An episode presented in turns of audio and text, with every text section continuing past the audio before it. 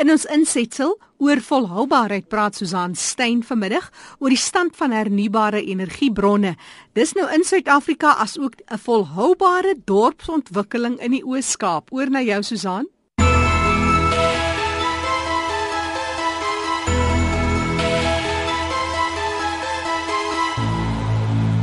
Metrowind het onlangs die van Stadens Windplaas in die Nelson Mandela Bay munisipale omgewing opgerig. Nou daar's al 'n hele paar van hierdie windplase in Suid-Afrika en daar word al hoe meer hiervan vir die toekoms beplan. Johan van der Berg is die uitvoerende beampte van die Suid-Afrikaanse Windenergievereniging. Hy is ook betrokke by die Hernubare Energieraad. Dit is die sambreel liggaam van alle hernubare energie in Suid-Afrika. En dan speel hy ook 'n klein rol in die Afrika en Europese Unie se energievennootskap. Johan, jy het 'n redelike oorsig, lyk like dit my, oor hernubare energie in Suid-Afrika. Wat is die stand daarvan in ons land? Is iets wat rukkie gevat om op spoed te kom. So op die oomblik kyk ons intens daarna en as ons kyk na wat teen 2030 gaan gebeur, dan is dit die vooruitskatting dat daar omtrent so 17 tot 20000 megawatt geïnstalleer sal wees. En in alledaagse taal is dit miskien makliker om te sê dat dis omtrent 42% van al die nuwe krag wat Suid-Afrika gaan bou tussen nou en 2030 gaan primêr van wind en sonkrag kom. En watter ander bronne van hernubare energie is daar? Wel daar's verskeie, um, waarvan Suid-Afrika nie ons is baie goed bedeeld met windbronne en son van die beste in die wêreld. Maar uiteraard is daar hidrokrag wat in die res van Afrika 'n groot bron is. Biomassa, met ander woorde, enige iets wat groei, hout, saagsels, suikerriet. Al daai is, is bronne waarna mens kan kyk, maar die sterkste in Suid-Afrika gaan wees sonkrag en wind. Dink jy daar's nog so al weerstand in mense se gemoed hierteen of dink jy mense is nog versigtig om te kyk en veral om te belê hierin? Uh, dis 'n interessante vraag. Ek dink as mens kyk na die publiek, dan is daar nog nie 'n familiariteit met hernubare krag nie, want dit is nog nie iets waarby ons verbyry en waarmee ons groot raak nie. In die buiteland en party plekke het dit al heeltemal verander en ek dink dit sal in Suid-Afrika nou vinnig verander. Daar's definitief 'n persepsie by baie mense dat dat mense premie moet betaal om groen krag te hê en dit is glad nie meer in alle gevalle waar nie.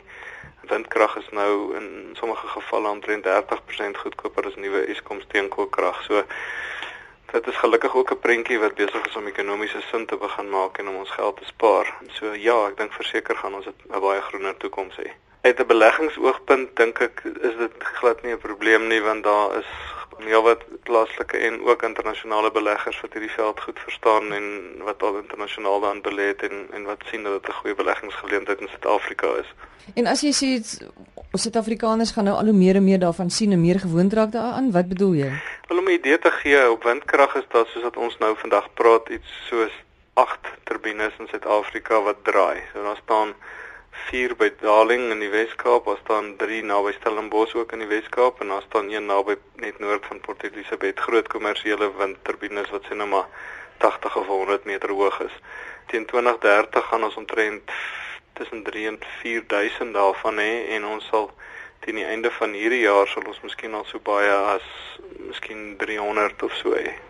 As jy praat van die ander bronne van hernubare energie soos biomassa en so aan, hoe sterk word dit verteenwoordig in Suid-Afrika of of hoe hoe ver is dit aan die gang? Wel daar is 'n bietjie van alles. Uh so daar's 'n baie goeie hidroprojek in in Bethlehem in die Oos-Vrystaat en 'n uh, ouer ene in die in Mpumalanga. Eskom het jou wat wat hulle noem pump storage, maar dis nie regtig 'n bron van energie nie, dis meer 'n storingsmeganisme. Met ander woorde, as jy 'n groot dam het, dan pomp jy maar die water opdraande wanneer jy te veel elektrisiteit het en laat dit weer afloop wanneer jy te min het. Maar goed, daar is met ander woorde hidro in Suid-Afrika. Die suikerrietvervaardigers produseer reeds redelik baie energie wat hulle meestal self gebruik en hulle kan ook meer produseer. In terme van ander biomassa is ons 'n redelike droë land, so ons het nie eh, soos Brasilië byvoorbeeld 'n oorvloed van biomassa wat ons kan gebruik nie. Maar dit is daar. Biogas het ek nog nie oor gepraat nie, so dit is met ander woorde 'n natuurlike gas wat kom ehm um, byvoorbeeld uit enige komposhoop kom aan metaangas. So eh, op daai selfde beginsel kan 'n mens ook elektrisiteit opwek by PetroSA se se aanleg in Mossel Bay word dit al omtrent 5 jaar gedoen waar daai anaerobiese verteringsaanleg se gas word daar krag opgewek. Hoe volhoubaar is dit? Nou dis volhoubaar in die sin dat mens kan dit oprig en jy betaal nooit weer vir die wel in, in baie gevalle wind en son betaal jy nooit weer vir die bron van die krag nie. As jy iets soos biomassa doen, dan moet jy partymal selfs vir afvalmateriaal betaal. Maar as ek moet vooruitskatting maak en ek kyk na 2030 of 40 en kyk na die hernubare krag wat ek dink meer sal wees as wat ons nou-nou oor gepraat het, dan sal ek met redelike gemak voorspel dat ek dink 80 tot 90% daarvan sal uit wind of sonkrag kom. Dink jy dit sal ooit die konvensionele krag vervang?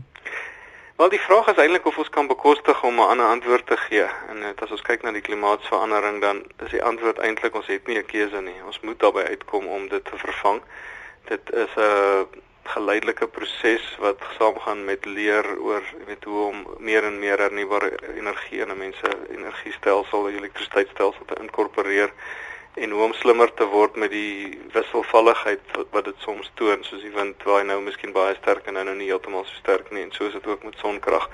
In lande soos Duitsland is hulle al baie gevorder daarmee en die ekonomie wat ons vorentoe sal sien is miskien een waar ons met elektriese motors sal rondry en die ekstra krag wat soms op 'n baie goeie wind of sondag uitkom sal ons dalk in ons motors inpomp. En wanneer ons ons motors nie nodig het nie sal ons dit dalk weer uittrek om ons energie te voed jy weet en om daarom nog genoeg te los om weer die volgende dag te ry tot waar jy weer 'n motor gaan laai. Johan baie dankie. Dit lyk na 'n baie opwindende tyd wat vir ons gaan wag met hierdie hele nuwe hernubare energie dimensie wat uh, voor ons oopmaak vir die toekoms. Dis Johan van der Berg, hy is die uitvoerende beampte van die Suid-Afrikaanse Windenergie Vereniging. En Johan sê individue wat belangstel en graag by hulle wil aansluit is baie baie welkom. Jy kan net 'n draai gemaak op hulle webtuiste en dit sal jy kan kry op RSG se webblad www.rsg.co.za. Julle sal onthou ons het 'n paar programme gelede gepraat oor die Rhino House wat 'n groen geboude huis is met 'n waterwys tuin en die huis is deel van 'n hele dorpsontwikkeling, die Crossways Farm Village. Dit is sterk geskoei vir die hele ontwikkeling van hierdie dorp is sterk geskoei op die lees van volhoubaarheid. Dr Chris Mulder is die ontwikkelaar van die dorp. Hy's 'n eiendomsontwikkelaar en sy agtergrond is stedelike ontwerp en omgewingsbeplanning.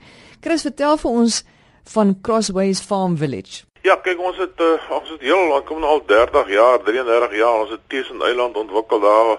Jy weet daai baie sensitief is in die Nysna meer en al die besoedelingsgoed uitgehaal en Tussen Eiland gebou. Ons bou ons is betrokke by 'n groot eiendomsontwikkeling en hoofsaaklik op, sensitiewe ekosisteme, dis my my passie.